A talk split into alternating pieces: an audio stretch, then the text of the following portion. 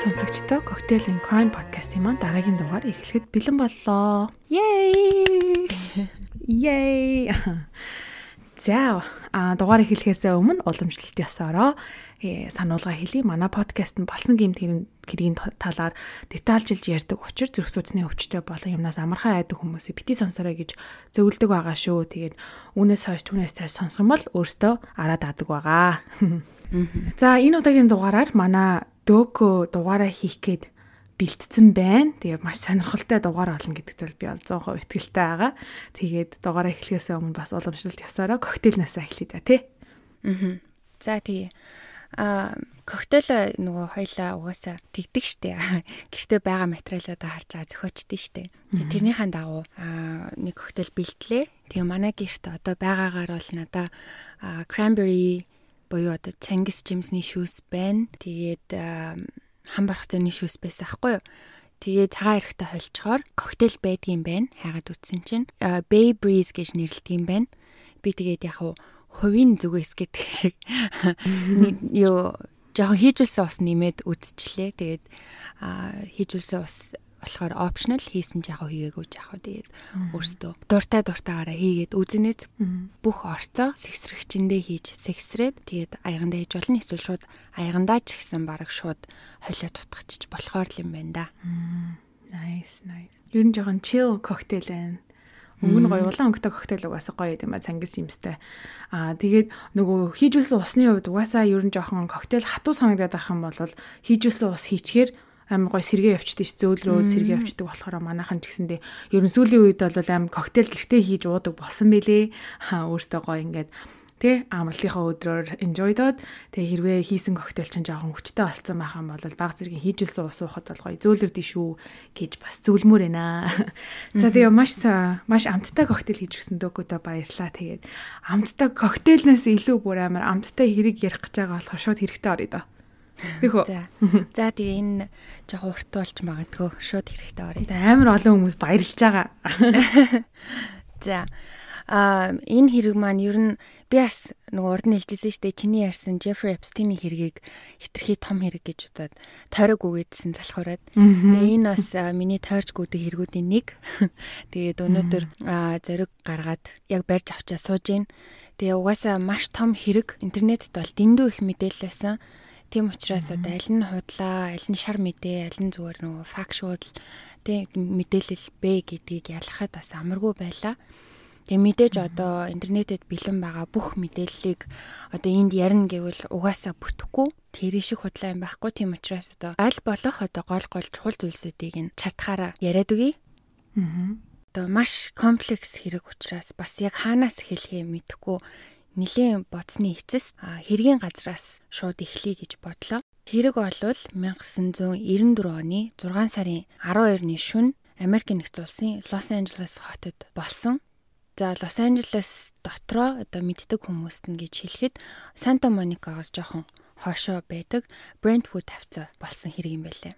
За тэгээд орой 11 цагийн үед нэг Акита үйлдвэрийн нохой зөнгөө сул явж исэн юм байна л да тэрийн тэр хавьд амьдардаг нэг хос олж хараад одоо өнөөдөр нилээ оройтцсан юм чи өнөө шөндө гэртээ хонолчоод маргааш нь одоо эзнийг олъё гэж бодоод гэртээ авчирсан чинь нөгөө нохоо нь амар юм хямралд орчихсон гэмээр ерөөсөө нөгөө гаслаад тайвшрахгүй байсан гинэ. Тэгэхээр нь э, за за улсан газар нь ерөөсөө буцаагаад аваачи тэр хавьд айгуул эзэн мэдэн хайгаад явж байгаа ч юм бэлүү гэж бодоод нохоогоо дагуулад хосууд гарсан. А тэгээд явж исэн чинь тэр нохоо өөрөө нэг хаусны гадаа очоод зогсчтий хашааных нь хаалгыг онгойлгоо цаашаа харсан чинь нэг эмэгтэй хүн шатны доор доошоо хараад эвхрэж хэвтчихсэн ямар ч хөдөлгөөнгүй А тэгээд хашааны хаалганаас тэр эмэгтэйг хүртэл маш их тус болсон байсан шалан дээр. Тэгээд тэр хоёр шууд тэр доороо цагтаа дууцсан. Цагдаа нар ирээд ганц тэр эмэгтэй биш дахиад нэг хохирогч байгааг олж мэдсэн. Эхний хохирогч буюу хөшөөдийн олсон хүн болохоор Nicole Brown гэдэг нэртэй 35 настай тухайн байранд амьдардаг эцэгтэй байсан. Хоёр дахь хохирогч нь болохоор түүний эрэгтэй найз Ronald Goldman гэгч 25 настай залуу байсан. Колийн гэрийнх нь хаалга болохоор онгорхой. Тэгээ ямар ч юм гаднаас хүч хэрглэж нэвтэрсэн шинж тэмдэг бол байгаагүй. Колийн цогцос гэрийнх нь хаалга руу гардаг тэр жижиг шатных нь доор буюу одоо гэрээс гадаа хашаан дотор гэсэн үг штэ. Гадаа хөл нүцгэн доошоо эвхэрч хөвцөн байдалтай байсан. А хашааны хаалганаас Николийн цогсоос хүртэл одоо түрүүний хэлсэнчлэн маш их цус байсан. Бөгөөд одоо цусан дээр хүн ингээ алхсан байсан тийм гутлын мөр байсан. Тэгээ Николийн хөлний ул нь ямар ч цусгүй байсан учраас мэрэгжилтнүүд алуурчин эхлээд ер нь Николийг алсан байна. Бас одоо Николийг л ер нь алахаар угаасаа зорж ирсэн байна. Таргет нь байсан байна гэж дүгнсэн. Никол толгой болон хүзүүндээ маш олон удаа утгалуулсан. Гарандаа бие хамгаалах гэж оролдох үед авсан шархнуудтай нуруунд дээрээ гутлын мөртөө За тэгээ тэр цамцыгийн сөхөөд тэр гутлын мөрний яг харалтайх нурууны хэсгийг харахад маш том хөхөрчгсөн. Хоолойг нь амар гүн хэрцсэн. Тэр гүн хэрцнээс нь болоод бүр энэ хүзүүний яс нь хүртэл ингээд ясыг нь хүртэл нефт нефт авсан болохоор одоо баг хүзүүнийхээ энэ хойтлын арьсан дээр гэх юм уу та тэрэн дээр л ингээд толгой нь санжганжсэн гэсэн. Бараг ингээд биенээс нь тасарчихсан. Рональдын цогцос болохоор Николихоос холгүй хашаа төшүүлж суулгасан байдалтай олдсон. Мөн адилхан бие болон хүзүүндээ хэд хэд удаа утгалуулсан байсан. За хэргийн газрыг шинжилээд үзэхэд цэнхэр ноосон малгай, зүүн гарын одоо extra large арзмарын арьсан бэйли, дугтуунд хийсэн харааны шил зэрэг зүйлс олцсон. За тэгээд алуурчны цус болсон гутлын мөрийг дагаад явсан чинь хойд хаалгаар зүгтаасан тодорхой. Тэгээд цустай гутлын мөр явж байгаа штэ. Тэрнийх нь зүүн гар талд нь цус тусалсан байсан илүү. Тэгэхээр одоо зүүн гар талаасаа өөрөө шархтцсан юм уу гэмээр ингээд цус туслуулад явсан байсан тэр туссан цуснуудынх нь хоорондох зайг нь хэмжээд ингээд тооцоод үзсэн чинь алуурчин гүүж ш ингээд маш тайван алхаж хэрийн газраас явсан болох нь тогтогдсон. Никол болохоор салсан нөхрөөсөө хоёр хүүхэдтэй байсан бөгөөд хэрэг болох үед хүүхдүүд нь гэр дотроо унтчихсэн. Цагдаа нар мэдээж хэрийн газар очоод хамгийн түрүүнд хүүхдүүдийг нь гэрээс нь холдуулж одоо цагдаагийн байгууллага дээр аваатсан. Тэгээ мэдээж одоо Николи X нөхөрт нь энэ аимшигт мэдээг дуулгаж хүүхдүүдээ ирж аваа гэж хэлэх шаардлагатай болсон. Тэгээд тэнд байсан дөрвөн детективийг Николийн X нөхрийнх рүү явуулсан. За Николийн X нөхөр нь хэн байсан бэ гэхээр тухайн үед маш алдартай тэтгэвртэй гарсан Америкийн хөл бөмбөгийн тамирчин байсан. Oriental James Simpson буюу O.J. Simpson нэрээр алдарсан тамирчин байсан. Тухайн хэрэг гарах үед бол O.J. Simpson болохоор өөрөө 47 настай байсан. Тэгээ одоо нэгэнт OJ Simpson-ы тухай дурдсных ер нь OJ гэж хэн байсан мөн одоо Никол хэн байсан энэ хоёрын харилцаа ямар байсан тухай дэлгэрэнгүй ярьчаад тэгээ буцаад тэр шөнийхөө хэрэг рүү оръё. А OJ Simpson болохоор бидний ярьдгаар одоо бор зүрх хэрэг гэдэг шиг тэгээ өөрийнхөө хүчээр амжилтанд хүрсэн маш мундаг тамирчин. А Калифорни мужийн Сан Франциско хотод төрж өссөн.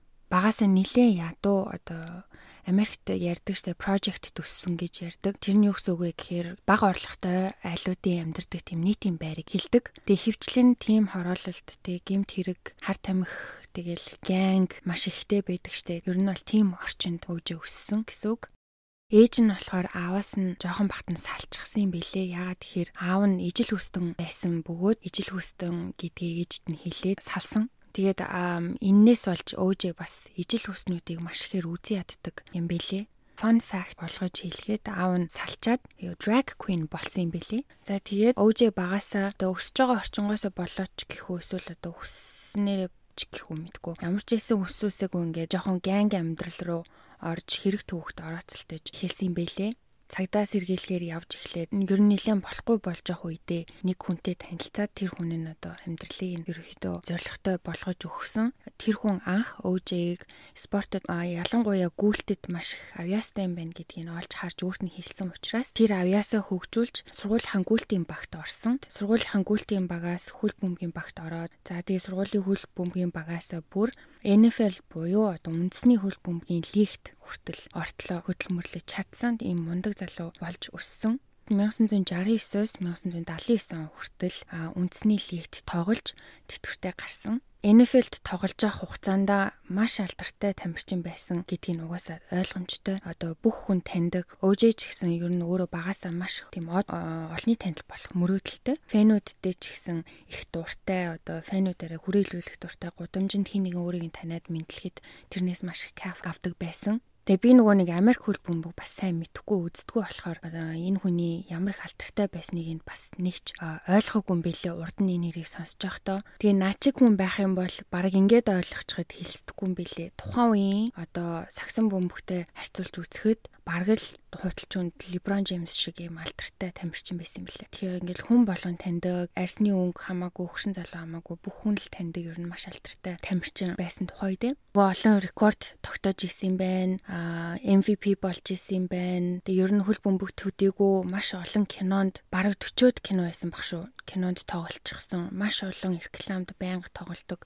Телевизээр байнга гардаг. Одоо хүн бүрт таалагддаг гэх юм уу тийм тийм ардын хүү гэж байдаг та нэг team character байсан юм байна. За тэгээд 19 наснда 1967 онд OJ High School Sweetheart буюу одоо 10 жилийнхэн хайртай охинтойгоо буюу Margaret-тэй гэрэлсэн. Тэр хоёр хамтдаа 3 хүүхдийн эцэг эх болсон. Харамсалтай нь хамгийн бага нь хоёр ойртой байхдаа гэрийнхээ усан бассейн живэд нас барчихсан юм бэлээ. За тэгээд өөжөө Николтой болохоро 1977 онд буюу их нэртэйгээ одоо стил гэрэлсэн байх хугацаанд танилцаад үерхэж эхэлсэн юм бэлээ. Никол болохоор 1959 онд Германы Франкфурт хотод төрсэн. Аав нь Америк, ээж нь Герман. Николийнхан гэр бүлээрээ Америк руу Николыг 10 жилд байхад нь нүүж ирсэн бэлээ. Ээж аваасаа болохоор 8уулаа маш өнөр өтгөн юм гэр бүл. За тэгээ 1977 онд 18 настай ахлах сургуулаа төгсөөд тэгээд ахлах сургуулаа төгсчөө ерөөсө 3-7 хоногийн дараа Daisy гэдэг нэртэй Лос Анжелес хоттой ер нь маш өндөр зэрэглэлд ордог Beverly Hills буюу баячуудын оролт байдаг. Дандаа нэр хүндтэй алдартнууд одод ордог шөнийн клубуд зөөгчөөр ажилд орсон. За тэгээд өөжээ нөгөө 77 онд их нэртэйгээ байхдаа Николтой танилцсан гэсэн дээ. Энэ хоёр болохоор энэ нөгөө Николийн ажилдаг Дейзи гэдэг баарнд танилцсан бэлээ. Никол тэнд ажиллаад бараг нэх удаагүй байхдаа танилцсан гэсэн. Тэгээд тэр үед чи одоо Никол 18-тай, өөжээ болохоор 29-тэй байсан. Тэнийг муухайж гэх юм уу сэтгэл эмзэглүүлсэн юм нь болохоор өөжээ ихнэр Никол энэ хоёрыг үерхэж эхэлж хахад нөгөө усан санд живж нас орсон хүүхдээ штэ тэр хүүхдээ тээж байсан юм байлээ. Никол өөжийн хоёрын харилцаа болохоор анханасаа л маш их хүчтэй эхэлсэн юм байлээ. Хүчтэй гэдэг нь амар passionate те анхны харцаар би биендээ дурлал тэгэл би биендээ татагдж байгаа тэр энерги нь хүртэл одоо амар хүчтэй эргэн тойрны найзууд нь хүртэл мэдэрчихсэн энэ хоёрыг яг анхны харцаар би биендээ дурлсан энэ гэж одоо хүртэл ингэж ярьдсан бэлээ. Тэгээд тухайн үед бас Николтай хамт байр түрээсэлж амьдарч исэн нэг найз нь сүлд ярилцлага өгсөн байсан. Тэрэн дээр тэр найз нь хэлэхдээ тэр хоёр танилцаад удалгүй анхныхаа болцоондоо Никол явчаад ирэхдээ бүр шүн ирсэн гинэ. Тэгээд гэртээ ирэхдээ Николийн өмдийг нь цахилгааныхаа тэрүүгээр нь бүр ингээд зад татаа хийцэн байсан гинэ. Хэр нөгөө румейт нь гайхаад хүүе чи чи яасан бэ? Зүгээр үү юу болов вэ гэж асуусан чинь өөжөө ингэц юм аа. Жохон ширүүхэн юм байлээ. Гэхдээ надад таалагдсан гэж хариулсан тухай ярьжсэн. За тэгээд одоо энэ хоёр 77 онд танилцаад өөжөө болохоор 79 онд ихнэрээсээ салсан юм байлээ 2 жилийн дараа. Кол өөжөө хоёр болохоор 85 онд гэрлэлтэд батлуулсан бөгөөд тэр хоёрын гэрлэлт нийтдээ 7 жил үргэлжилсэн. Тэр хооронд хоёулаа 2 хүүхэдтэй болсон. өөжөө Николтой гэрлэлтэд батлуулахдаа болохоор prenup хийлгсэн юм байлээ. Гэрлэлтийн өмнө хийдэг гэрээ штэ. Тэгээд тэр гэрээн дээрээ мэдээж өөжөө нөгөө алдартай тэгээ баян учраас тэр хоёр салахтаа өөжөөгийн мөнгө өөрт нь үлднэ. Николтой хуваахгүй гэсэн залт байсан. Яг Николт болохоор нэг байр нэрэн дээр нь үлдээн гэсэн. Тэгээ нэг сонин санагцсан юм болохоор өөжөөтэй гэрэлсэн бах хугацаанд Никол ажил хийж болохгүй гэсэн залт байсан. Тэгсэн мөртлөө Никол тэрийг зөвшөөрөөд 100% өөжөө санхүүгийн хараат болохыг зөвшөөрч ин гэсэн үг дээ. Тэгээ зөвшөөрөөд гарын үсгээ зураад энэ хоёр гэрэлтэй батлуулсан. За тэгээд өөжөө болохоор гаднаа те маш олон хүний хайр хүндэтгэл хүлээсэн алдартай мундаг тамирчин байсан хэдий ч гэр бүл дотроо хувь хүний талаасаа бүр шал өөр айгу муухай зэрлэг хүн байсан юм бэлээ. Эхний эхнэрээч тэр Николич тэр хоёлынгийн хүчрхийлдэг бие болон сэтгэлийн дарамт үзүүлдэг. Маш их хартай, бүр амар хартай Тэгээд тийм дүрлцэн ууртай хоёр их нэрийн хоёлынгийн зоддог. Тэгсний хэрнээ өөрөө амар хартай мөртлөө өөрөө маш олон хүүхнүүдтэй явуултдаг. Тэгээ хоёр их нэрийн хоёлынгийн араар нь тавьдаг байсан. Ер нь маш токсик байсан. Бүр сүлд ингээ шүүх хурлын үеэр юм мэдгцэн гэхээр Никол нийтдээ дөнгөж одоо бусдад мэдгдсэн тоогоор 62 удаа өөжэд хүчирхийлүүлсэн юм билэ. Тэгээ тэр нь болохоор одоо зөвхөн биеийн хүчирхийлэл гэсэн үг шүү дээ. Зодсон, хүчинцэн, цогсон, олонний өмнө гар хүрсэн, сексийн үед зодсон, гэр бүл найзууд найзуудынхаа өмнө зодсон гэх мэт юмнууд орж байгаа байхгүй. Мэдээж Никол олон удаа цагтаа дуудлага өгч исэн хүчирхийллийн үеэр гисэн эдээч гомдлгүй гэд ер нь өөжийг шийтгүүлж байгаагүй билэ. Урд нь хоёлаа нөгөө хүлээлгийн өрөөний хоёртой нэг дугаар хийсэн баа штэ.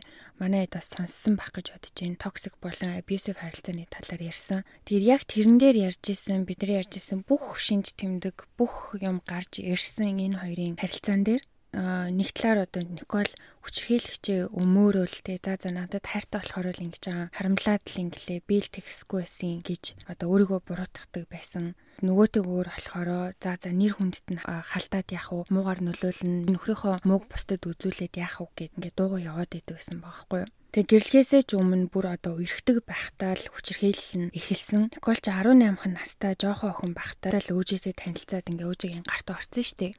Тэгээд э, бүр Николийн одоо гэр бүлийнхэн нь анх охиныгоо ийм алдартай хүнтэй үерхэж байгааг яаж мэдсэн гэсэн чинь өөжөө Николыг зодоод тэр бараг ингээд анхны амир хүчтэй гар хүрсэн тохиолдол нь байсан юм шиг аа хүчтэй гэдэг нь мэдээж одоо гар хүрэлт болгон мухайлтаа гэхдээ одоо нөгөө нүүрэнд нь сорин үлдэхүүцтэй нүдийн хүртэл зодтсон байсан. Тэрнээс болоод Никол аав ээжиндээ очичихсан байсан. А гэхдээ тэр одоо хөхөрсөн нүдэ болохоор юм цогц юм а гэж хэлсэн. Тэгсэн чинь аав ээжийн гэрийнх нь хаягаар цоошин Porsche загварын маш үнэтэй машин ингээд дээр нь бантик тавьсан. Тэгээ Николд намайг уучлаарай гэд өвжээ сайн хийцэн машин бэлгэнд ирсэн. Тэгээ мэдээж ээж аав нь гайхаад хүү чи юу вэ?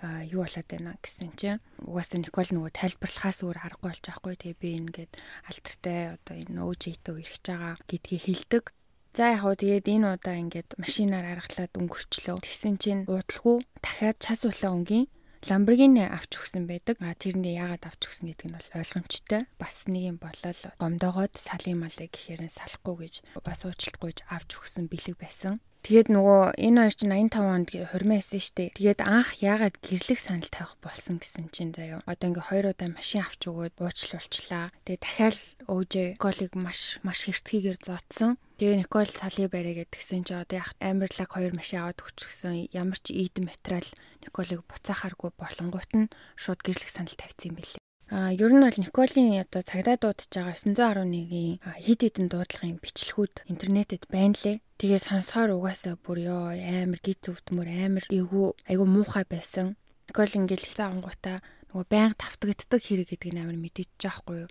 Уцаа ангуудаа шууд оператортай нөгөөч ч хүрээд ирлээ гэж шууд хэлж байхгүй юу. Намайг зотох гээд байна. Тэнгүүд оператор нь хин гэдгсэн чинь өөжээ өөжээс юмсан л ахгүй юу чи хийн гэсэн чинь би Никол байна та нар мэдж байгаа штэ одоо яг одоо хүн явуул. Бүр ингээд нэг байнгын юм болчихсон. Тэг байнга л дуудаж идэг. Тэр хавийнхын цагдаа нар хүртэл мэддэг болсон юм шиг. Тэг гих мэт тиймэрхүү дуудлагууд маш байсан. Тэгэл арталт нь өөж амар мухай орлол юм юм хаглал. Хэвээ би чамайг алан чи надад хэрэггүй надад хоёр өөр хүүхэн байна мэн гэж мэгэл. Айгу мухай тийм дуудлагууд байдсан байлээ. Тэг гих мэт одоо яриад байвал энэ өөжигийн хүчирхийлэл бүр маш их бөгөөд энийг нотлох зөндөө олон материал болон хүмүүсийн яриа байдаг. Голын гэрийнхэн нь хүртэл мэддэг байсан энэ хүний амар abusive гэдгийг салах гэж зөндөө оролцсон ч гэсэн нэг бол өөжөө өөрөө гуйж ирнэ, янз бүрээр аргадна. Ядчийтл Никол чинь санхүүгийн хувьд 100% хараа тийм учраас шууд салаа явчих чадахгүй байсан юм бэлээ. Дээрээс нэг муухай юм нөгөө гэрийнхэн нь одоо энэ хоёрын харилцааг мэддэг гэсэн гэсэн штеп. Тэгсэн мөртлөө аав нь ууг нь бол хар арснуудад дургу нэг тийм racist хүн юм байна л та. Тэгсэн чинь өөжийг маш алтартай амар баян хүн гэдгийг мэдэнгүүтээ шууд одоо бүх тэр хар арсныг одоо юу гэдэг үздэг үзлээ хойшин тавиад энэ баян хүн гэдэг дээр нь амар төвлөрчихсэн юм шиг санагдсан. Яагаад тэгэхээр Никол ингээл нүдээ хөртөл зодуулчаал гэртээ ирэхээр чи гэр үлээ тэг бүтнээр нь авч үлдэх хэвээр Никол чи чаднаа чи энэ хүнээс салж болохгүй make it work гэж хэлээд ингээд охиноо явуулчихдаг гэсэн гэж аахгүй юм муухай. Тэгээ гих мэтчлээ одоо ингээд Никол өөрсөө салж чадахгүй маш олон шалтгаанууд байсан. Одоо энэ 62 удаагийн хүчирхийллээс 8 удаа цагдаа дутсан байдаг. Энэ 8 удаагийн ганц л удаа өвжийг баривчилж байсан тэр баримтчилгаанаар болохоор бас л одоо нөгөө slap on the wrist гэж ярьдэн шүү дээ. Зүгээр ингээд өө чи яаж байгаа юм бай чи гээл өнгөрөөцсөн юм шиг заяа. Бараг ингээд шийтгээгүй шахав. 100 хэдэн цагийн жилийн юм нөгөө community service хийдэн шүү дээ. Тэ нийгэмд тустай ажил хийх хэрэгтэй байдаг. Тим юмар шийтгүүлсэн. А тэгээ хідэн төрөний жил өөрийнх нь хувьд бол маш бага хэмжээний мөнгө төлөөд гарч ирсэн баг. Тэгээд энэ баячуудын хувьд бас community service чинь бас өөр байд юм байна. Одоо бид нар шиг жирийн ард иргэд болоод энэ тентхийн нийгмийн ажилд оролцож сайн дурын ажил хийж энэ тэнд волонтер хийдэг байхад эднэр болохоор зүгээр юм fundraising өсгөөл те одоо хандвийн үйл ажиллагаа зохион байгуулаад өөрсдөө ууж идэж наргээд цэнгээл тэгэл тэр нь баг community service болчт юм байна. Тэгээ тийм юм болж өнгөрсөн гинэ.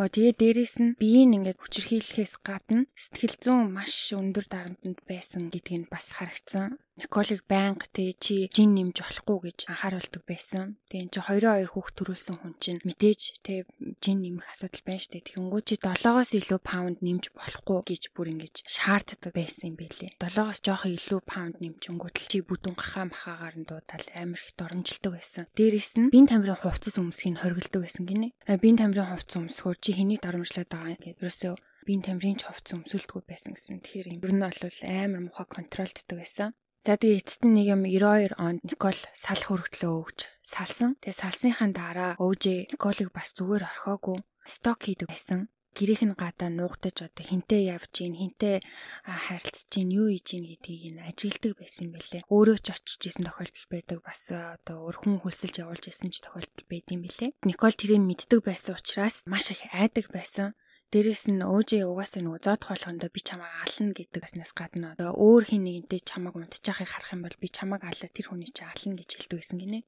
Тэгээ дээрэс нь өөжөө чинь нөгөө амар олон гарбууны цоглуулгатай. Тэгэхээр Никол ер нь би ер нь энэ хүний л гарт өгөх юм байна гэж бол боддог байсан гэж байгаа. За тэгээд салсан хэсэг хугацаанд өөжөө ингэж сток энтер хийж янз бүр болж одоо мөрдөж мөшгөж жагаад өөр хүн амьдралд нь гарч ирээд тэр хүнтэйгээ үерхээ сатараад явсан юм бэлээ. Тэр нь болохоор Paula Barberia гэдэг нэртэй жүжигчин Julia Roberts-тэй ер нь юм төстэй царайтай маш хүрхэн эмэгтэй байсан. За тэгээ өөжөө энэ эмэгтэйтэйгээ үерхэд овоо ингээд коллег 50 орхиод байжсэн чинь нөгөө хүчирхийлүүлэгчийн синдром гэж байдаг шүү дээ хүчирхийлэгчтэй тассан хүчирхийлэгчээ буцаа сандаг. Тийм юм болсон юм уу гэлтэй? Гинт Никол буцаад өөрөө өөжөө рүү юм бичиж уцтаж эхэлсэн байгаа хгүй юу? Би чамайг санаж гин Тэг ингээ хүүхдүүдтэйгээ хоёлоо очроо олъё. Хүүхдүүдтэйгээ элэг бүтэй амьдрий. Би ингээд элэг бүтэй амьдрахыг хүсэж байна. Би гэрээ санаж байна. Би чамайг санаж байна гэж залгаж ингэж захиа занаа явуулдаг байсан гинэ. Өөжөө болохоор эхэндээ ерөөсө тоодоггүй байсан. Мэдээж ингээ шинэ харилцаанд орчихсан юм болцсон байсан. Тэгсэн чинь Никол нэг удаа хөрмийнхаа хамаг зургнуудыг угаалгаад өөжөө рүү явуулсан бит хоёр ингээ гой байх үедээ хичнээн гой байдаг байснаа санаач те би ингээ гэр бүлээ авч үлдмээр энэ хоёлаа учраа олъё те эргээд нийлээ гэж гуйсаар байсан Тэгснээ нэг өдөр Никол гинт гэрийнх нь гадаа очисон. Тэгээд өөжийг дуудаад өөжөө гарч ирээ тэр хоёр тэр хаваараа баахан хамт алхаж юм ярилцаж явсан гинэ. Тэгэж алхаж явсны эцэст эргэж нийлэхээр шийдээд өөжөө нөгөө хүүхнээсээ салаад Никол ч гэсэн эргээд нүүж ирсэн юм байлээ. Тэгсэн ч удалгүй яг л урдных шиг хэрүүл уруул болно янз бүр болно. Тэгэл хэрэлдэнгүүтээ өөжөө нөгөө хүн рүүгээ гүүгээ очичдаг. Аа тэгээ зүгээр үедээ байхаар болохоор зүгээр байдаг. Хэсэгтээ ууг нь болох гэж үзээд үнэхээр болохгүй харан дахиад салсан. Тэгээ салаад удаагүй байхад тэр аимшигт хэрэг болсон байгаа хгүй юу. Тухайн хэрэг болсон өдөр өдөр нь өөжөө Никол хоёр хүүхдүүдийнхаа урлагийн үзлийг үзсэн. Хойлоо тухайн үед салцсан байсан болохоор хамтдаа суугаагүй тус тустай очиод тус тустай сууж үзсэн. Тоглолт дуусаад Никол гэр бүлийнхэнтэйгээ ээжтэйгээ болон эгчтэйгээ хамт хоол идэхээр ресторан явсан бол өвжээ өөрийнхөө замаар өөр тийшээ явсан. Николийн тэр хоол идсэн ресторанд нь нөгөө охирогч буюу Рональд зөөгч хийдэг байсан бөгөөд Рональд Никол хоёр бие бинийгээ таньдаг зүгээр юм гимгүү сайхан найзууд байсан. Ямар ч тийм романтик харилцаа бол байгаагүй гэж ярьдсан бэлээ. Тэр хэд хоолоо идчихэд Никол хүүхдүүдээ аваад гэрлүүгээ Очсон чинь Николи их чинь араас нь залгаад өө ээж саяны хоол идсэн ресторанд нүдний шилээ мартсан байна гинэ чи Рональд руу яриад авчаарай гэж хэлсэн. Хэлснийхэн дагуу Никол Рональдтай ярьсан чинь Рональд өө за за тийм байна. Ээж чи шилийг олчлоо. Би ажиллаад хараад танаад аваачаа өгчий гэж хохиролцсны дагуу Рональд хэрэг гарах үед Николын гэрт нь байж таарсан юм байлээ. Тэгээ нөгөө хэргийн газраас тогтуутай нүдний шил олцсон гэсэн нь одоо тэр Николийн ээж шил болж таарсан. За тэгээд хэрэг болсны шөнө хідэн цагтаа нар ОЖ Николийн талаар хэл хүрэхээр болон хүүхдүүдээ ирж аваа гэж хэлэхээр нөгөө гэрт нь очсон штэ. Гэр нь болохоор Николихоос машинаар 6 минутын зайтай ойрхон байсан. Тэгээ мэдээж гэр нь бол ойлгомжтой маш том ордон шилтгэн шиг тийм байшин байсан.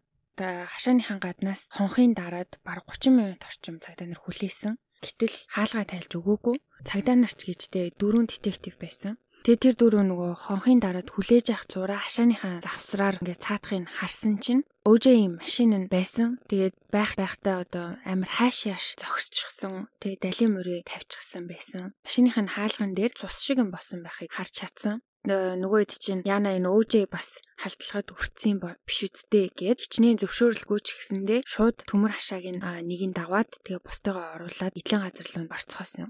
Машин дээр нь очисон чинь машин дээр нь болсон байсан юм нь үнэхээр цус байсан бөгөөд хэргийн газараас олцсон нөгөө зүүн гарын сахин биелээ штэ. Тэрний баруун гарынх нь биелээ. Тэдний хашаанаас буюу одоо байшингийнх нь артлаас нь газар өвчих хат нь олсон. Мөн өөжийн Унтлагынх нь өрөөнд нь шалан дээр байсан оймсон дээр нь цусны толб байсан. Ингээд түүний гэрийг мөн одоо аль биесээр хэргийн газар гэж үзээд хамгаалтанд авсан. Өөжээ өөрөө болохоор тэр шөндөө нисээд Чикаго хот руу ажиллаар явсан байсан. Өөжитэй холбогдох гэж нэлээд удаан үдсний эцэс дараа гэж утас нь холбогдоод цагдаа нар одоо Никол хүнд алуулчихсан байна. Чи яаралтай буцаад хүрээдрээ гэд ярьсан чинь тухайн дуудлагыг хийсэн цагдаа сүулт хэлэхдээ өөжэд энэ мэдээг дуулгасан чинь мэдээж ингээд амар хэцүү байгаа нь бол мэдгдсэн. Гэхдээ тэр юусоо хэн алсан юм бэ? Юу алсан юм бэ гэж юусоо асуугаагүй. Дээрэс нь хүүхдүүд нь зүгээр эсхийг асуугаагүй мөртлөөсөө аллаг олж яахыг хүүхдүүд харсан уу гэж асуусан надад их сонь санагдсан гэж хийж хэлсэн. Тэгээ би ажиллаар Чикагод дөнгөж сая буулаа. Гэхдээ би одоо хамгийн ихний нислэгээр буцаад яваад очиё гэж хэлээд хэлсэн үгэндээ хурж өглөөний буцаад нисээд ирсэн юм байлээ. Тэр доор нь нэг детектив гэрт нь очиж мэдүүлэг авсан. А мэдүүлэг авч явах хооронд зүүн гарынхаа хурууг зүссэн байхыг олж хараад юу болсон тухай асуусан чинь Би Чикаго тахта Николийн талаар сонсоод акцидент болоод зүсчихсэн юм а гэж хэлсэн. Тэгэхээр нөгөө детектив бас амар ухаантай. Чиний машин дотроос чинь бид нэр цус олсон дээ. Тэр юу цус вэ гэд хэлсэн чинь саяны ярьсан юм а үгүйсгэнгүүтээ өө байж байгаарэ бодоодсэн чинь би яг 6 сарын 12-нд гэдэг чи одоо уржигдэрнэ гараа зүссэн юм байна. Тэгэхэд болсон цус бах. Гэхдээ би яг яаж гараа зүснээ санахгүй байна гэж өөрчилсөн цусныхаа дээжийг өгөхийг хүсгээд сайн дураараа ямар ч одоо татгалцалгүйгээр тусаа бол өгсөн. Маргааш нь болохоор өвжээ шууд хамаг сайн гэсэн одоо энэ улсад байдаг хамгийн сайн гэсэн хуульчуудаар бүрдсэн тийм өмгөөллийн бага бүрдүүлсэн. Энэ багийг хүн бүр одоо хүртэл маш мундаг ямар гайхалтай баг бүрдүүлснийг нь гайхаж одоо өстөл мөрөөдлийн гимээр баг бүрдүүлснийг нь одоо болтол ярьдаг. Тэгээд нэг одоо сонирхолтой санагдсан юм нь өмгөөллийн багт Роберт Кардашин байсан. Роберт Кардашин ч одоо бидний мэдих Ким, Chloe, Courtney, Rob дөрвийн аав нь штэ. Тэгээд Роберт Кардашин болон одоо эхнэр Крис хоёр нь энэ OJ Никол хоёртой маш сайн найзууд байсан юм байна л да. Тэгээд Роберт бүр нэг хуульчийн одоо лайсенс нь дууссан байхад энэ хэргийг өмгөөлөхөөр үндсэндээ тэтгэвртэй гарсан байж байгаад найздаа туслахаар буцаж лайсенсаа хүртэл сэргийлгэсэн юм билээ. Тэгээд ийм сүрхий сайн найзууд бас нэг сонирхолтой санагдсан юм болохоор энэ дөрөв ингээд хичнээн сайн найзууд байсан ч гэсэндээ яг энэ хэрэг гарах үед болохоор Роберт Крис хоёр салчихсан. Крис аль үжээ нөгөө Jennifer-тэй суудсан байсан үе. Тэгэхээр Крис болохоор Николтой найзууд байсан нүний хувьд Николийн талд шүүх хурлын үед суучихсан. Харин Роберт болохоор өөжийн талд өөжийг өмгөөлч гэсэн нөгөө талд байжсэн гэх юм сонин динамик үүссэн байсан. Айгуу сонирхолтой санагдсан. Ким Кардашины нэг ярилцлага үзчихсэн чинь энэ хэрэг тухайн үед эдний гэр бүлд бүр амар сүртэй нөлөөлж исэн гинэ. Яаж исэн ч хэлээл амар баахан лимэрэдсэн. Тэгээд ямар ч байсан эцсийн дүндээ тэгж хэлж илээ. Би аавгаа одоо тэ энэ хэрийг өмгөөлж байгааг хараад ямар мундаг болохыг хараад амар биширж исэн. Тэгээд одоо ингээ миний хуульч болох ч байгаа зорилго ер нь энтэй холбоотой гэж ярьж илээ. Гэх мэтлэн юм мундаг хүмүүсээр бүрдсэн маш том өмгөөлийн бага бүрдүүлсэн гэж хэлсэнтэй. За за тэр яхав тэгээд 6 сарын 17-нд одоо ДНК-гаар хэргийн газрын цусны шинжилгээнүүдийн хариу бүгдээрээ гарсан. Бэли машин дээр байсан цус болон тэр олдсон оймсноос хоёр хохирогч болон өвжийн гурвангийнхан цус олдсон учраас түүнийг хүн амны хэрэгээр баривчлахаар болсон.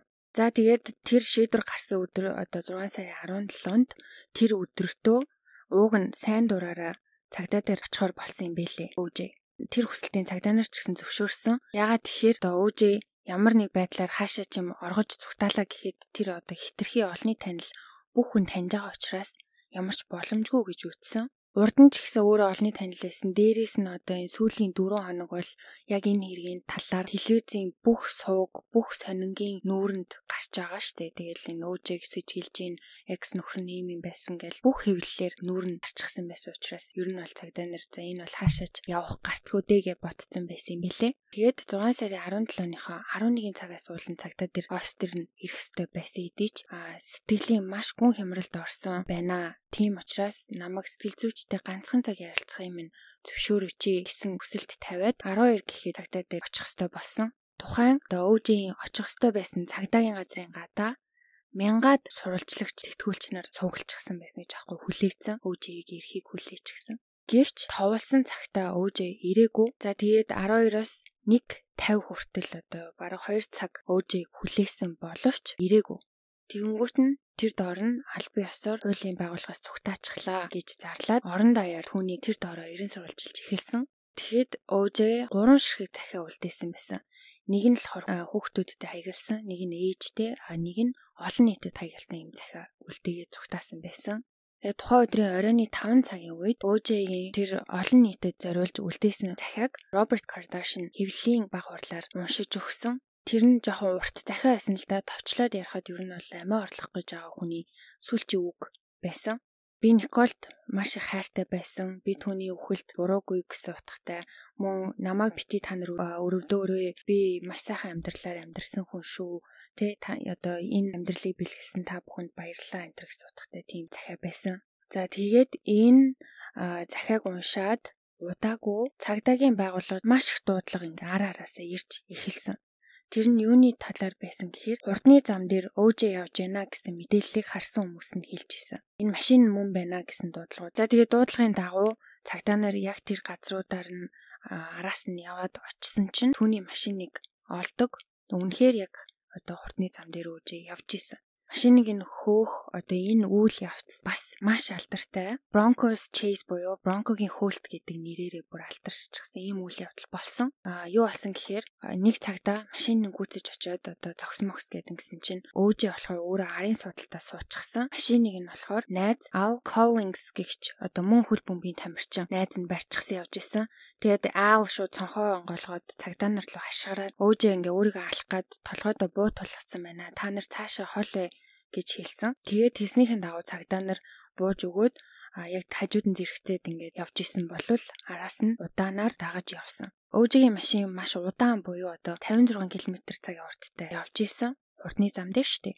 Тэгээд араас нь ингээд 20 цагдаагийн машин бас яг тэр хэмнэлээр ингээд дагчихсан. Телевизийнхэн болохоор дээрээс нь ингээд онгоцтой дагчихсан. Дор хаяж 9 мэдээний онгоц дагж исэн.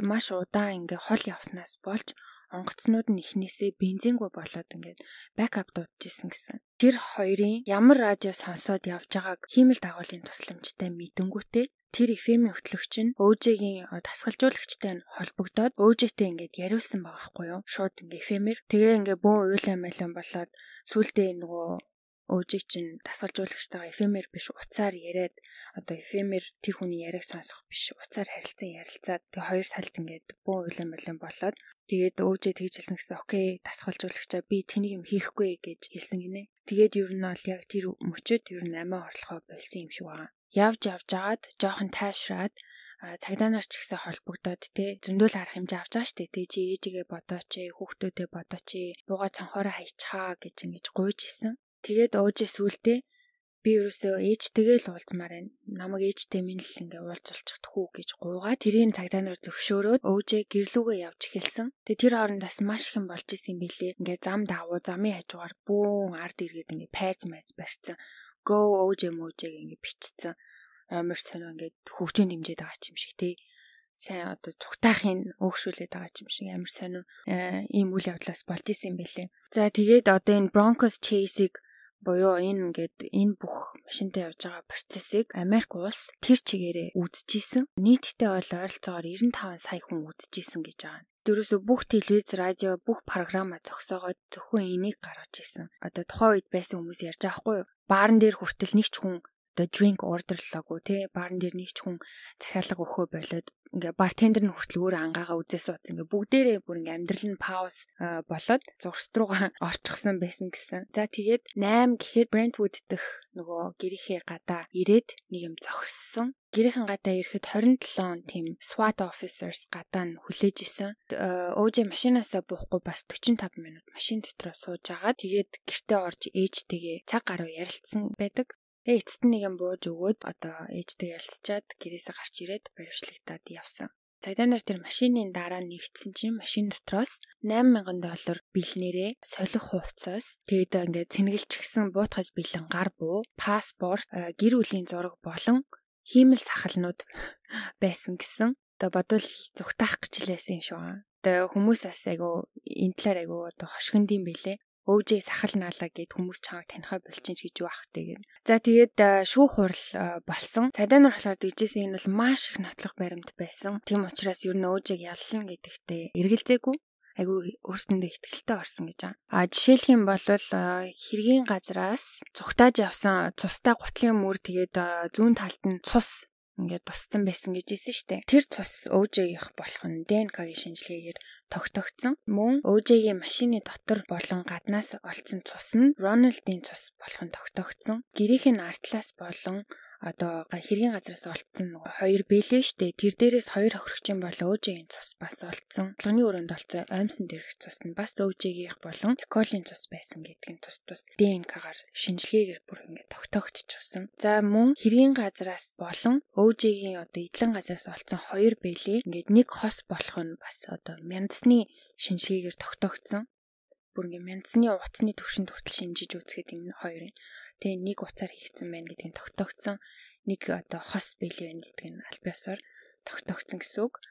А хоёр хохирогчийн бие хоёр бэлийн болон одоо хэргийн газраас олцсон ноосон малгай зэрэгт хүний үс байсан нь өөжигийн үс болох нь тогтоогдсон. Хөх хүнгийн утас хоёр хохирогчийн биенээс олцсон бөгөөд тэр нь тэр өдөр өөжийн хүүхдийнхээ урлагийн үзлийг үзсэн штэ. Тэгтээ өмсчихсэн байсан цамцтай нь яг адилхан өнгөтэй байсан. Тэгээд нөгөө цустай гутлын мөрөө штэ. Тэрийг FBI-ийн буюу нөгөө холбооны мөрдөх товчооны гутлын мөрний мэрэгчлэлтэн шинжилж үзэхэд тэр гутлын мөр нь эрэгтэй хүний 12 размерын Bruno Magli гэх Итали брендийн маш хүнтэй ховор гутлынх гэдгийг тогтоохоос гадна Америкийн нөхцөл улсад ердөө 29 ширхэгэл байгаа гэдгийг олж мэдсэн. Тэгээ Bloomingdale's гэдэг дэлгүүртэл ганцхан зардаг болохыг бас тогтоосон бөгөөд нэг ширхэг 12 замын гутал өөжигийн гэрээ орол түүний байнга үйлчлүүлдэг бөмигдээс дэлгүүрээс зарагдсан гэдг нь бас тогтогдсон. Тэгээ мэдээж өөжэй бол өөрөө 12 замын гутал өмсдөг байсан. За гих мэт одоо маш олон нотлох баримт байсан. Би бас зөндөө олон нэг дурталгүй өнгөрөөлөө бүгдийг ярина гэвэл бас өнөөдрийн цаг хүрэхгүй байх. Тэгээд ерөнхийдөө нэг иймэрхүү гол гол зүйлс болсон байдаг. Тэгэнгүүт одоо өөжигийн өмгөөллийн баг юу гэж аргумент хийсэн бэ гэхлээр ерөнхийдөө цагдаа нар маш муу ажилласан хэргийн газартай профешнл бус харьцснаас болоод хэргийн газар шатах баримтууд хоорондоо холилдож утгалтай ингэ заваарсан юм болсон гэдэг дээр айгу том аргумент гаргаж ирсэн. Тэгэд анх нөгөө Никол болон Рональдын цогц олдлоо гингүүтэл одоо бараг л цагдаатайгаа зэрэгтэл хэвлэлийнхэн бас шуурал хүрээд ирсэн. Тэгээд нөгөө цагдаа нарын ажиллаж байгаа процессыг бүгдийг нь одоо тэр чигээр нь биччихсэн байсан учраас одоо хэвлэлийнхнээс тэр бичлэгийг олж аваад өмгөөллийн баг бол маш амжилттайгаар цагдаа нарын одоо буруу гэхүү те дутуу ажилласан ажиллагаануудыг ингээд point хийж чадсан. Тэр нь маш одоо чимхлүүр юмнуудыг ярьж байсан. Одоо жишээ нь бэлигээ цолих хэрэгтэй байсан үед нь солиогүй. Тэгээд амар олон хүн шагналдаад ирэнгүүт нь нөгөө хэргийн газар дээр ажиллаж исэн нэг детектив Николыг хүндэтгээд гэхүү одоо мэдээж те цогцыг нуудаг штеп. Тэгээ нуух гад гэр дотор байсан тийм цагаан өнгийн хүнжлөөр Николийн цогцыг бүтээсэн тэр нь хүртэл ингээд буруутгадаад өөрийнх нь эсрэг ашиглагтаа явчихж байгаа байхгүй юу. За тэгээ дээрэс нь эд мөрийн баримтуудыг зөв пакетлаагүй бас машиндаа хитрхи удааснаас болж эн чинь наран дуудснаас болж ингээд ингэж өөрчлөгдсөн гих мэт ингээд маш олон чимхлүүр юм гаргаж ирсэн. Хоёрдугаар том аргумент нь болохоор ерөнхийдөө бол race card ашигласан гэж хэлж болно. Яа тэгэхээр тухайн үед одоо 92 онд бас нэг хар арьстай хүнийг цагаан цагдаа нар маш хэрцгийгээр зодоод ямар ч цагтаа одоо шийтгүүлээгүй улмаас ингээд хар арснууд юу н босч эхэлсэн. Тэгээ яг тэр үе нийгмийн байдал нь гэхээр маш том харуудын бослого болж исэн үе баггүй юу. Тэгэнгүүт хэрэг дээр ажиллаж исэн нэг детектив арьс өнгөний үзэлтэй тэгээд харуудыг доромжилсан буюу доромж үг буюу нигер гэдэг үгийг маш олон удаа ашиглаж байгаа бичлэгийг ил болгосон. Тэгээд одоо үндсэндээ тэр детектив гол үүрэг гүйцэтгэжсэн детектив. Тэгээд энэ хүн чинь ингээ racist те хар хүмүүсийн арьс өнгөний арьс өнгөний үзлээр ялгарладаг. Ийм хүн учраас OJ чи өөрөө хар арьстан а Никол Рон хоёр бол шар арьстан ийм учраас те OJ-г ингээ албаар буруутгах гэж албаар хэрэгт оролцуулах гэж хэргийн газрыг ингэж OJ-тэй энэ детектив холбосон гэж аргумент хийжсэн. Бас нэг одоо алдартай гэх хүн болгоны одоо сэтгэлд үлдсэн үйл явдал болсон нь юу болсон гэхээр тухайн нөгөө хэргийн газраас олцсон Бэлиг OJ-д өмсүүлсэн мэдээж Бэли одоо хэрэгтэнд таарах ёстой штэ тий. Тэгсэн чинь Бэли өвжэд арай хийж таарсан. Ер нь бол багтсан гэж хэлэхэд хэлсдэггүй. Гэхдээ яг орохын үед орсон. Хүмүүс болохоор энэ үйл явдлыг маш олон талаас шүүмжилдэг байхгүй юу? Өвжээ ч өөрөө тийм маш олон кинонд тоглолцсон туршлагатай жүжигчин гэж явдаг бас хүн байсан. Тэгэхээр Бэлийг ингээд таарахгүй байх гэж жүжиглсэн ч гэж үздэг. А хоёрдугаарт нь тэр Бэли одоо нөгөө хэргийн эд мөрийн баримт учраас маш олон удаа хөлдөөгдөж, маш олон удаа гисгээгдэж ингэж агшиж сонсон байсан. Учираас мэдээж ингээд тэ агшсан үйл явдал болсон байхаа гэж бас аргумент хийдэг. Нөгөө төгөр бас нөгөө амар их цустай учраас цус нь бас ингээ хатгаараа агшин штэ тий. Тэгээд ингээ бэлийг бас агшаасан гэсэн иймэрхүү юмнууд бас яригддсан бэлээ. Тэгээ одоо жүжиглсэн ч байна уу, яасан байна уу, ямар ч байсан бэйли олны нүдэн дээр өмсөхөд арай хич орсон. Тэгээд одоо өмгөөллийн багийн бас нэг маш алдартай үг байдаг.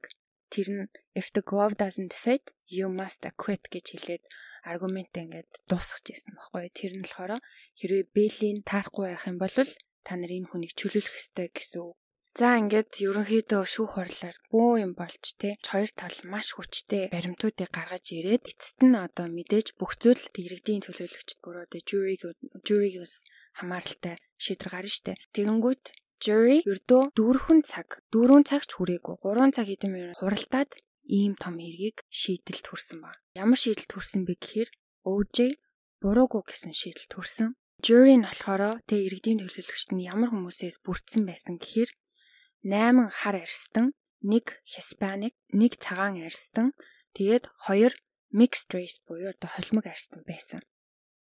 Тэгээ мэдээж ингээд ихэвчлэн хар арьснуудаар бүрдсэн jury байсан учраас эн чинь нөгөө нэг race одоо арьс өнгөний үзлийн бас тоглолт хийсэн учраас гэх юм уу ер нь бол ингэж шийдэгцэн гэж хүмүүс үздэг. За тэгээд яг энэ хэргийн шүүх хурлын процесс бол баг худалчунд түүхэнд анхудаа ингээд эхлэхээс төгсөх хүртэл нэг нэгэнгүү бичигдэж нэг нэгэнгүү телевизээр шууд дамжуулагдаж байсан. Тэгэхээр ингээ анханасаа л маш сонирхолтой байсан учраас хүмүүс бас бүгдээрээ энийг үзчихсэн. Тэгээд яг ийм тухайн үеийн бичлэгүүд байд юм бэлээ. Яг ингээ буруугүй гэж ингээ хэлэх үеийн хүмүүсийн реакшнуд байдаг. Тэгээд тэрийг харахад бүр ингээ илт заяа хар арьстай хүмүүс бүр бүгдээрээ орилолтой бол босч ирээл үсрээл тэ баярлал би бинийгээ тэрэл инээлтэд ингэж хахад шар арьстангууд бүгдээрээ ингээ гайхаал бүгд ингээ зог тусаад зарим нь уйлал зарим нь толгоос ихсрээд ингэж ийсэн. Тэр энэ баг ингээд гурван хүний хэрэг биш ингээд Америкийн арьс өнгөний үзлийн баг одоо дайнч гэх юм уу тиймэрхүү юм болчихсон. Тэрэн дээр илүү гол акцент нь болчихсон юм шиг санагдсан. За ингээд харамсалтай нь одоо OJ энэ хэрэгээс молторж чадсан. Тэгээ амар өрөвдмөр санагдсан юм. Никол ингээд зодуулж модуулах болгондоо тэгж ярьдаг гэсэн гисэн. Өө нэг л өдөр өөж намайг алах бах. Тэгээд өөж намайг алсан ч гэсэн энэ хэрэгээсээ зүгээр мултарч чадна. Энэ угаасаа чадна гэж ярьдаг гэсэн юм билээ. Тэгээ яг л Николийн одоо таамагласнаар гэхүү болсон юм шиг надад бол санагддаг мэдгүй би ч одоо төдийгүй ер нь Америкчууд ч гэсэндээ хоорондоо одоо дундаа санал асуулга явуулсан байт юм билээ. Тухайн үед болохоор 60% нь өөжийг буруутай гэж үзчихсэн болвол одоо болохоор хүмүүсийн бараг 80% нь байлуу да өөжийг буруутай гэдэгт итгэдэг юм бэлээ. Хичнээн одоо ингээд тэг цусмас нь алдаад ДНК-гаар шинжилээд ингэсэн байсан байхад тэгээ ядчил тухайн үед чинь ДНК-гийн шинжилгээ одоогийнх шиг юм бас trusted хүн болгон гэж 100% итгэдэг биш байсан. Ягаад тэгэхээр дүнгэж тэр шинжилгээ ухаан хөгжиж эхэлж исэн учраас бас хүмүүс нэг тийм сүжиггүй гэх юм уу байсан нэг тэгж одоогийн итгэдэг шиг итгэдэггүй байсан. Тэгэл одоо Индианкагийн шинжилгээ нь аккуратны юм уу үгүй мүү гэж бас айгүйх аргумент болж исэн. Мэдээж энэ хэргийн талаар маш олон documentaries одоо баримтат кино те маш олон ярилцлага амар олон ном кинонууд хүртэл ингээд гарчихсан байдаг. Тэгээ энэ баримтат кинонууд ч гэсэндээ бас айгүй сонирхолтой санагдсан нь хид хідэн шин санаанууд дэвшүүлж исэн. Нэгэн дээр нь болохоор цурал алуурчин Glenn Rogers гэдэг хүн би энэ хоёрын хэрэгт холбоотой гэж өөрөө хэлсэн байдаг. Тэрний дагуу одоо мөрдлөг явуулж байгаа тухайч докюментари байсан. Гэхдээ энэ нь явж явж байгаад энэ хүн холбоог л болж таарсан л та. Нөгөөтэйгөр болохоор OJ-гийн эхний нэрээс нь гарсан Jason гэдэг хүүгийнх нь хийсэн хэрэгээ гэж бас theory байдаг энэ бас ингээд яривал бас айгүй сонирхолтой юм билэ. Джейсны яг тухайн өдрийнх нь alibi буюу одоо Джейсныг яг энд байсан өөр юм хийчихсэн гэдгийг нотлох хүн нь байгаагүй. А тэгээ ажил дээрээ байсан гэж хэлсэн мөртлөөсөө ажил дээрээ цагаа оруулахдаа ингээд тайм шитээ цаанаас нь ингэж автоматар тамах шиг ингэж дарагддаг байхад яг тэр өдрийн юг болохоор өөрөө ингээд гараараа биччихсэн байсан гэх мэт ингээд жоохон shady юмнууд байсан л та. Гэхдээ ер нь бол явж явж энэ бол бараг л үгүй байх гэж хүмүүс ярьд юм билээ. Ер нь бол энэ нотлоход маш хэцүү айгуу long shot юм билээ. Гэх мэтлээ амар олон theory байна. За тэгээд OJ-ийн хувьд болохоор сүүлд 2007 онд энэ хэрэгтэй холбоогүй бүр шаал өөр хэрэгээр буюу балаа солиотой юм чинь буутай спортын хэрэгсэл улгаалах гээд явж исэн бэлээ Лас Вегаст. Тэрийг болохоор өөрөө хэлэхдээ эн чинь миний гарын үсгээ зурсан миний юмнууд би ингээ өөрийнхөө ямиг авах гэж ин гэж тэнэгцэн маань. Тэгээд тэр хэрэгээсээ болоод 2008 онд 33 жилийн ял авсан бэлээ. 9 жилийн дараа одоо батлангаар гарах боломжтой. 2017 онд Батланталтаар гарч ирсэн. 2021 оны 12 сарын 14-нд буюу одоо дөнгөж ганцхан сарын өмнө Батланталтаас хүртэл чөлөөлөгдсөн билээ. Тэгсэн чинь шалтгаан гэсэн чинь good behavior гэж аахгүй амир модель citizen дэ амир мундаг сайн байгаа учраас Батланталтаас нь одоо чөлөөлсөн. Ерөнхийдөө одоо ингээ free man болчихсон. Одоо ямар ч хуулийн байгууллагатай холбоогүй зүгээр жирийн иргэн болчихсон амьдарж байгаа одоогоор бол 74 настай Лас Вегас хотод амьдардаг юм шиг байлээ. Тэгээд нэг ийм хүн байна. А одоо хүртэл яг уу хичнээн нийгмийн ихэнх хувь нь ОЖ хийсэн гэж боддог ч гэсэндээ бас одоо ОЖ буруугүй гэж бодож байгаа хүмүүс бас аюу олон байдаг юм билээ.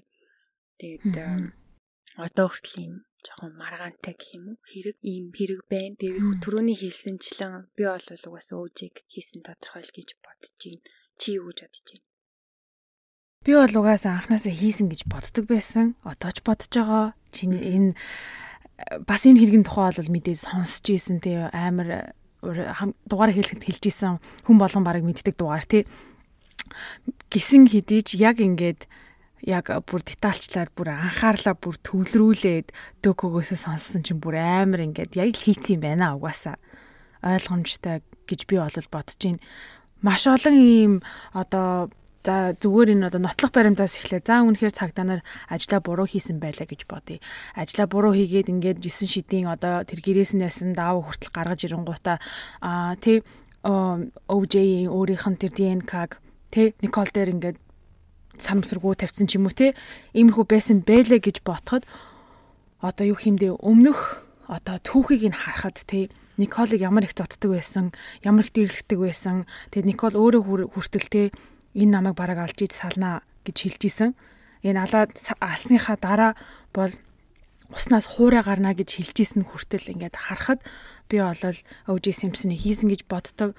Аа тэгээд дээрэс нь үнэхээр хийгээгүй байсан бол ингээд нэг юу ч хэмдэ аа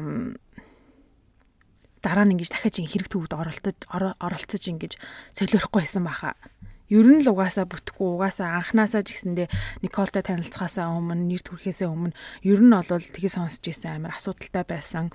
Гимт хэрэг мэрэгт ер нь холбогдож ийсэн гэж сонсч ийсэн. Тийм болохоор ер нь хийсэн хийсэн. Би бол 100% итгэдэг.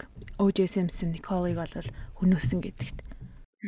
Никол тэгээд амар өрөвдмөр одоо яг л хилжсэн шигэдэ OJ-ийн гарт үхнэ гэдгийг мэдчихсэн юм шиг бараг тэрэндээ бэлдсэн ч юм шиг сейфтэй байсан юм билээ.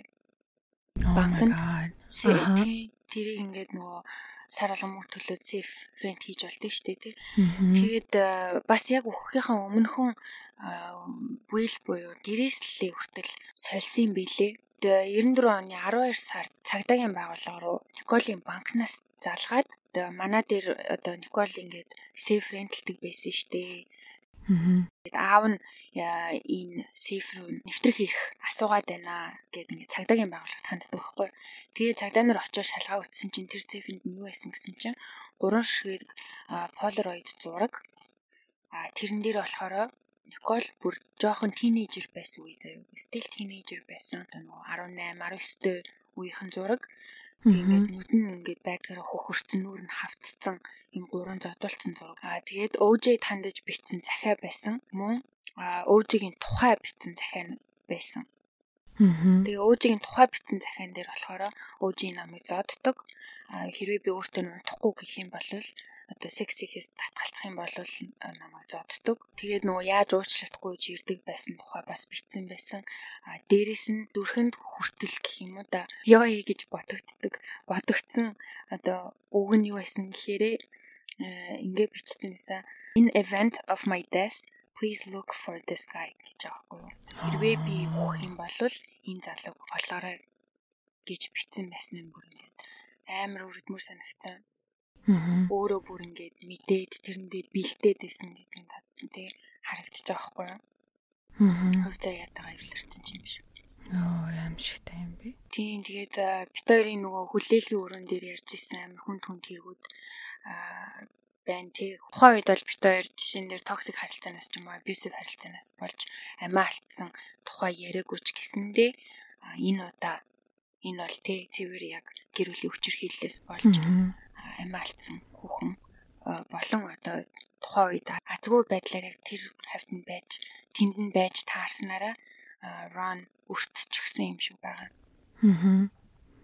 Айгаа болол нөгөө хардаж мартаа тэгдэг гэсэн гэсэн штэ. Чи өөр хүнтэй унтах юм бол би чамайг ална. Тэ тэр хүн хүнтэй чинь бараг хамт ална гэж хэлсэн гэдтэй.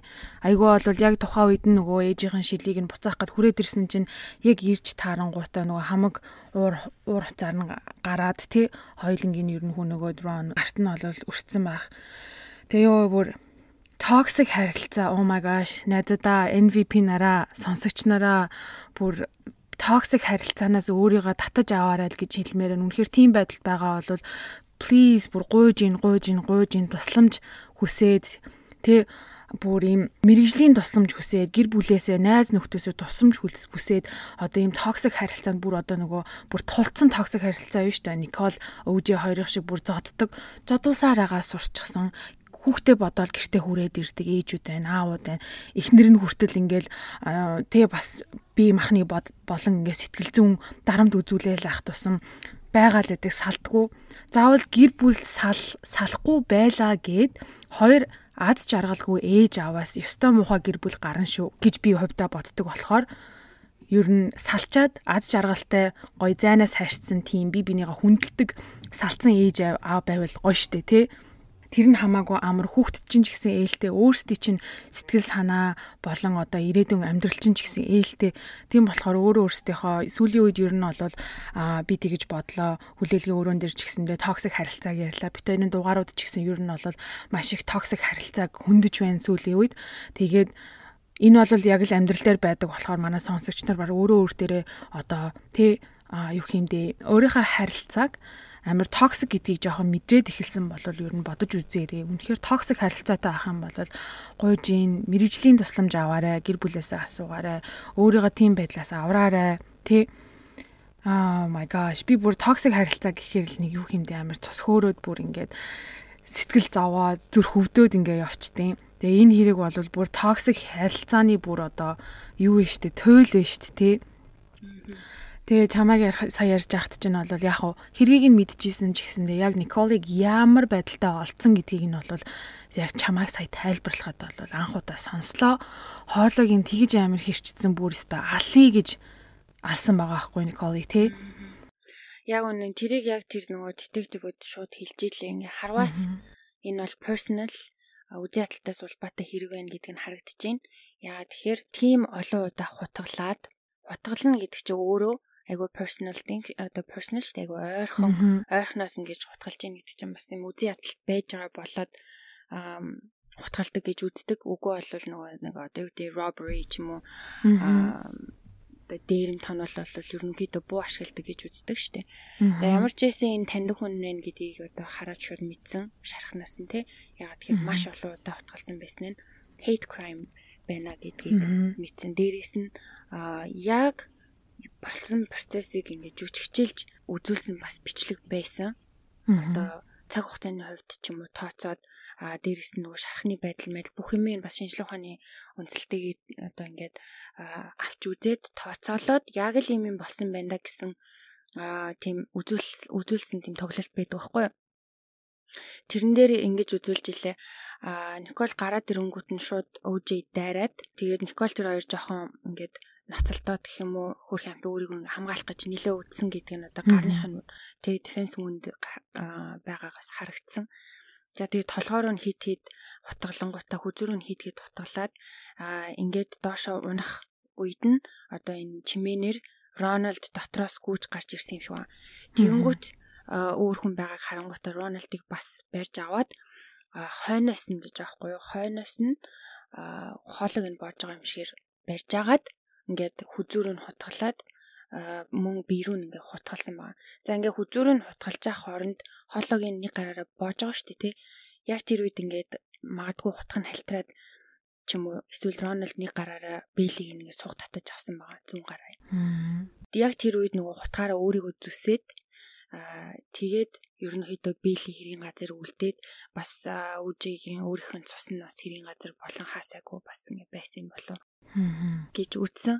Тэгээд Рональдыг хит хит хутгалж хашаа одоо төшүүлж хөвтүүлчээд буцаж магадгүй одоо эргэтэн харангуйтай дахиж хардаад ч юм уу тий ба дахиж уур нь хүрээд буцаж Никол дээр очоод нуруунд дээр нөгөө гიშгсэн одоо хөхөрчгсөн бас гიშгсэн мөрөөсөн ш тий маш хүчтэй ингээ гიშгэнгүүтэй хойноос нь үсийн маш хүчтэй зулгааган гутаа зулгааж толгойг ингээ дийлгээд тэр үед одоо тгийж хоолыг нь хэрчээд аа тэгээд буцаж Рональд дээр очиж бас хоолыг нь хэрцэн гэж үзүүлж илээ. Аа. Тэгээ тэр бараг л өстой нэрээ хажууд нь байсан юм шиг харцсан юм шиг л надад санагдсан. Угаасаа бусад энэ хэргийн юунуудын одоо материалуудын энтриг уншиж хахад яг яг л ийм л юм болж дээл гэж бас төсөөлөгдөжсэн. Айгу амар ёо тэр бүр ингээд толгоо нь бүр биенээсээ бараг салчихсан одоо barely hanging гэдэг аахгүй юу? Бүр ингээд санж ганцсан бараг л толгойн тасдчихсан тийм амар хүчтэй юм гэдэг чинь тий. Аа. Тэгээ бас одоо нөгөө тэр хэрэгт ашигласан хутга нөгөө нэг цэнхэр цамц мамц нь бол олтоогүй л дээ. Тэгээ тэрийг юу гэж тайлбарлаж байгаа гэхээр ингэж илээ. Чикаго руу тэр шөндөр шууд явцсан штэ. Аа. Чикаго явахдаа гурван ийм ачааны кейс одоо чамдамтай явсан гэж аахгүй нэг том биш гэсэн зүгээр юм жижиг суткейстэй. Тэгснээ буцаж ирэхдээ хоёр л кейстэй ирсэн гэж байгаа. Тэгээ магадгүй нэгэнд нь тэ одоо тэр хэргийн одоо хэрэгтэй холбоотой юм хийгээ устгахчихсан байх гэж ярьдаг. А нөгөөтэйгөр нөгөө Рональд Кардашин нэштэй тэр тэрэнд их цүнх өгсөн байгааг бас хүмүүс папараццад болоод хараа зургийг авчихсан билээ. Рональдын цүнхийг ингээ барай авч байгаа. Харваас дотор нь юм хийчихсэн байхад Рональд энийг хоосон байсан гэж ярьдаг байхгүй юу?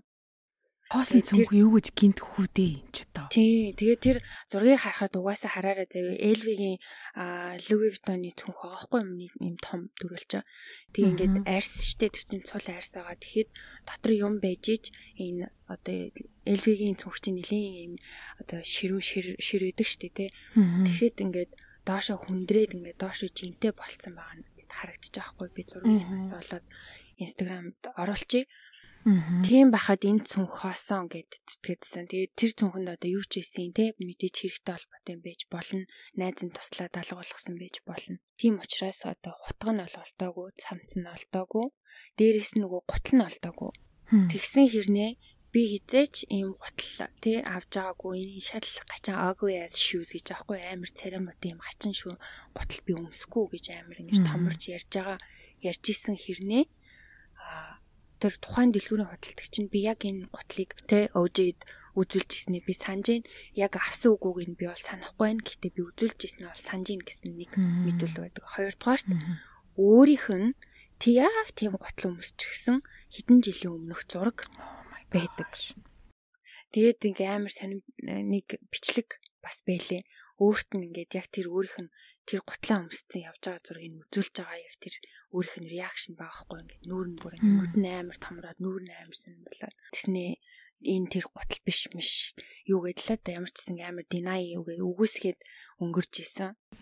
Тэгээд одоо тэр гутал болон утга тэр бусад энэ цус болсон бусад өмсөжсэн байх боломжтой хувцс нь бол яасан мэдэхгүй ямар ч гэсэн нэг бол хин нэг нь тусалсан нэг бол Чикаго явахдаа очрыг нь олчихсан байж таарсан. Чикаго явахдаа бол очиж авна гэж бас байхгүй л ахaltaа ягаад гэвэл онгоцоор явсан биз дээ тий. Лос Анжелаас онгоцоор явна гэхээр ч юм утгаал оруулахгүй. Яг уу баян тансаг хүмүүс одоо хувийн онгоцоор яаж нисхийг мэдгүй. Гэхдээ миний бодлоор бол хувийн онгоцоор ниссэн бай, тэ одоо олон нийтийн онгоцоор ниссэн бай. Бүгдээрээ TSA буюу одоо нөгөө нэг шалгагддаг зүйлээр одоо X-ray тэ рентгений юугаар ордог байх гэж би бодож байна. Тийм болохоор хутгийг бол авч явж авч яваагүй байх. Харин магадгүй Роберт Кардашинд өгж зайлуулсан байж магадгүй алга болгосон байж магадгүй. Гэхдээ мэдээж нөгөө хутгаа авч явлаа гэхээр амар тус нүчтэй нь авч явахгүй өөрөө усан дорой амжицсан бохоггүй юу. Тэгэхээр хутгаа угаасан байж таарах байх. Тэгээ мэдээж энэ кейс мейсэнд нь хийгээд янз бүр болгоод одоо чамдаамдаа хийгээд чек ин хийсэн байхад бол хутгийг оруулна штэ. Тэгээ магадгүй тэгээд аваад орсон ч гэж болох юм. So одоо яг юу болсон мэдгүй тэр одоо 3 дахь суткейс хаана байгаа. Тэр бас амар бүх юм амар сэжигтэй. Угаасаа бүх юм заагаад байгаа харин тийм гэдэг рүү заагаад байгаа сте. Ганцхан алдаатай юм нь болохоор үнэхээр тэр цагтаа нар зөв зүйлийг одоо бүх юмыг ёс мөрний дагуу хийсэн болвол тэ яг бүх юмн дээрээ болол яг онц ингээ бүх юм таарчаад байгаа байхгүй. Гэтэл нөгөө сая хэлжсэн штэ OJ-ийн угаасаа өмгөөллийн баг болол мөрөөдлийн баг байсан. А сүүлд яригдсан дээр Jeffrey Epstein дээр хүртэл ажилласан өмгөөлөгч OJ Simpson-гийн кейсэн дээр ажиллаж исэн тийм бүр одоо хамгийн мундаг Америкийн бүр өстө нэрээ бүр хамгийн дээдлийн дээдлийн тийм өмгөөлөгч нарыг авчирсан байсан болохоор бас үнэхээр толгоо нь ажиллаад бүр үнэхээр ажиллаа бүр өвжэгийн хувьд бол 100% гүйцэтгэлтэй мундаг хийсэн гэж ер нь бол харагдаж байна. Надад бол бодогдож байна. Аа. Йоо, наач бүртээ амар interesting case. Oh my god. Харин. Үнэхээр сонирхолтой. Бүр ухаатай байл ухаатай. Хамгийн гол нь яг үннөө худлаа юу гэдг нь яг 100% одоо хуулиар нотлогдоогүй болохоор хүн болгон өөртөө хайгаад үзээ сонсоод ингээд өөрсдийнхөө дүгнэлтэнд хүрч чадах тийм бүр амар сонирхолтой кейс те. Тэгээд э, би бас ярилгүй өнгөрлөө яг хальт дууртахад цаг хугацааны хувьд ч гэсэн өөжөө хийхэд боломжтой байсан байхгүй яа. Тэгэхээр нөгөө Николийн гэрчин өөрийнх нь гэрнээс 6 минутын зайтай тий. Тэгээд яг тэр алга болсон үед OJ-гийн alibi гэдэг ах юм байхгүй өөрийг нь одоо яг надтай хамт энд байсан гэж хэлээд байгаа хүн бол баг байхгүй заяа. Аа гэрийн үйлчлэгч гээд тийм гэрч байхгүй. Гэрийн үйлчлэгч гээд нэг авгаагаа тэр нь болохоор англиарч баг ярьдгүү. Тэг ингээд надад тэр хүний би нөгөө шүүхийн шүүхээр ингээд шүүгдэж байгаа бичлэгийг үтсэн ахгүй тэр хүний. Тэгэхэд надад тэр хүн амар худлаа яриад байгаа юм санагдсан жүжиглээд байгаа юм шиг заяа. Ингээ хүссэн үедээ англи хэл нь ороод ирдэг заяа. Англиар ярьчин. Хүсээгүй үедээ ингээд спаниш хэлээрээ ингээд дурж өгнөлчдөг. Тэгээ хажуудаа ингээд орчуулагч авчихсан заяа. Тэгэл амар юм зөвөн юм цамаан ч юм уу нэг юм. Нэг зөвөн тэгэл Николийн талаар ерөөсөө хүндэтгэлтэй ярихгүй. Тэгээ өөжийн мэдээж гэрүүлчлэгч Тэснэ би Николд дургу байсан гэдгээ би бол нээлттэй хэлнэ мэлнэ гэж мэгэл. Нэг кантлаараа шиг юм байдаг үсттэй тий нэг аваад ирснэ би яагаад намайг яагаад худлаа яриад энэ шүүхтэр аваад аваад ирчүү? Би одоо ингээд маргааш буцаад нутаг буцлаа өстой нэрээ дахиж энэ юмд чи оролцохгүй. Намайг худлаа ярьж энд авчирсан. Сүүлийнх нь гэж та нар хэлээдтэй гэж мэл бүр амар томорж момрол заяа.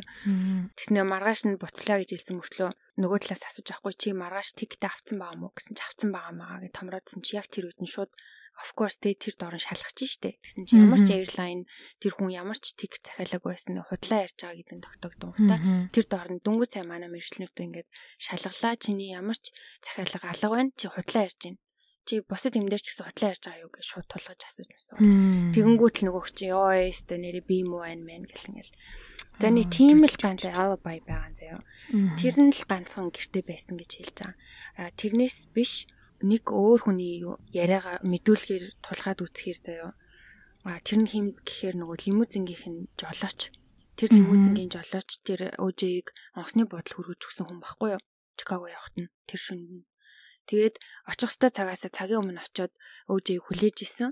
Тэгээд цаг нь төгөөд ирэнгүүт хонхын дарсан чинь хин ч онгойлгоогүй. А нилээ удаа байжгаад машинда хүлээжсэн чинь а яг өөжөө шиг өндөртэй юм хүн ингээд гэрлүгөө орох шиг болсон гинэ. Тэнгүүт нь дахиад хонхын дарсан чинь өө байж арай уучлаарай би унтчихжээ. Тэгээд одоо ингээд усанд орж ингээд гараад очлоо гэж хэлсэн байхгүй. Тэгээд ингээд цаг хугацааны хувьд тооцоод үзэхээр ерөөсөө алчаад гэртээрээ усанд ороод яг тэр хүний тэ тэр жолоочийн харсан сүдэр өөжөө мөн байж таарч байхгүй. Тэгээд усанд очиж гарч ирсэн. Тэгээд шууд Чикагоор ингээд бараг зүгтах шахуу явсан байхгүй. Тэгээд цаг цаг хугацааны хувьд ингээд тооцоод үзэхээр угаасаа боломжтой. Ингээд бүх юм өөж ирүү зааж исэн. Аа. Ийм байхад тэр 8 хар арьстай жюри зүгээр л арьсан арьсан дээр л тоглогдчихлаа л гэж бодсон да. Аа. Тэгсэн баха, тэгсэн бах. Йоо, чи ямар амар сонин хэрэг гинт гаргаж ирд юм бэ? Харин тийм нэлээ удаан л тойрчгүй лээ. Ойр сонсож бүр ингээ стресстэйгөө. Би яас энэ хэргийг бол баш маш удаан одоо дагж байгаа гэх юм уу да. Өөрөө сонирхлоороо бүр ингээл сонсоод шинэ юм гарч ирэнгууд нь үзэж мүзэл. Гэтэ яагаад ч юм бол яг чам шиг бас хизэж ярихыг хүсээгүй. Амар уурт атармаатай болохоор би бүр ёо за зэстэй аим шиг өөрөө бүр хідэн хоног энэ одоо энэ хэрэгдээ бүр уусаж орхон дээ гэж бодоод тойроод гүгэдсэн чинь чи өстө барьж авангуудаа ёстой гоё execute хийлээ. Execute гэдэг чинь юу гэсэн үг илээ монголоор? гүйцэтгэлтэй ёстой гоё гүйцэтгэлтэй амар гоё надад бол ярьлаа би чиний найз гэдэгтэй ч хэлж байгаа юм биш гэхдээ надад амар таалагдлаа энэ подкаст Найз болохоор талцж байгаа даа ч. Найз найз болохоор тал засж байгаа даа ч биш. Гэхдээ үнэхээр нэрээ тоглоомчгүй урдны сонсч исэн одоо а подкастуудаас бас илүү ярьлаа гэж үнэхээр чин сэтгэлээсээ чамдаа хэлмээрэн дөгөө баярлаа. За баярлаа. За тэгээ үнэхээр бүр сонирхолтой хэргийг бүр ёо жи бүр ямар олон сэдвүүдийг гаргаад ирч вэ? Миний хувьд бол миний толгоонд бол амар олон сэдвүүд гарч ирж байна. Ингэсэн болоо, тэгсэн болоо, тэр нь тэгсэн болоо, энэ нь ингэсэн болоо, хотлоо яриад байгаа юм, үний яриад байгаа юм болоо, цус муус инээ тэрэмээр гэдэг бүх юмор одоо толгойд гарч ирлээ. Манай сонсогч нар ч гэсэндээ бас энэ сэтгэгдэл яг үлдсэн байх үлдсэн гэдэгт бол би итгэлтэй байна. Тэгээ манай сонсогч нар чи угаасаа юм детальтай, уурт аа нэгдүгээр урт те. Нэгдүгээрт урт, хоёрдугаарт маш их детальтай ийм адармаатай хэрэгүүдэд бас амар дуртай байгаа. Олон хоногор амар ярьж боддсон билээ. Эхлээд сонссныхаа дараа 2 3 хоногийн дараа групп дээр орж ирэнгүүт хүүе тэр мэр гэл амар ярьдаг те. Тийм болохоор манай сонсогч нарыг алтгнуулсан толгойг нь эргүүлсэн хэрэг ярьлаа гэж би бол бодож байна. Тэгээ чамдаас баярлаа гэж хэлмээр байна. Зүгээрээ.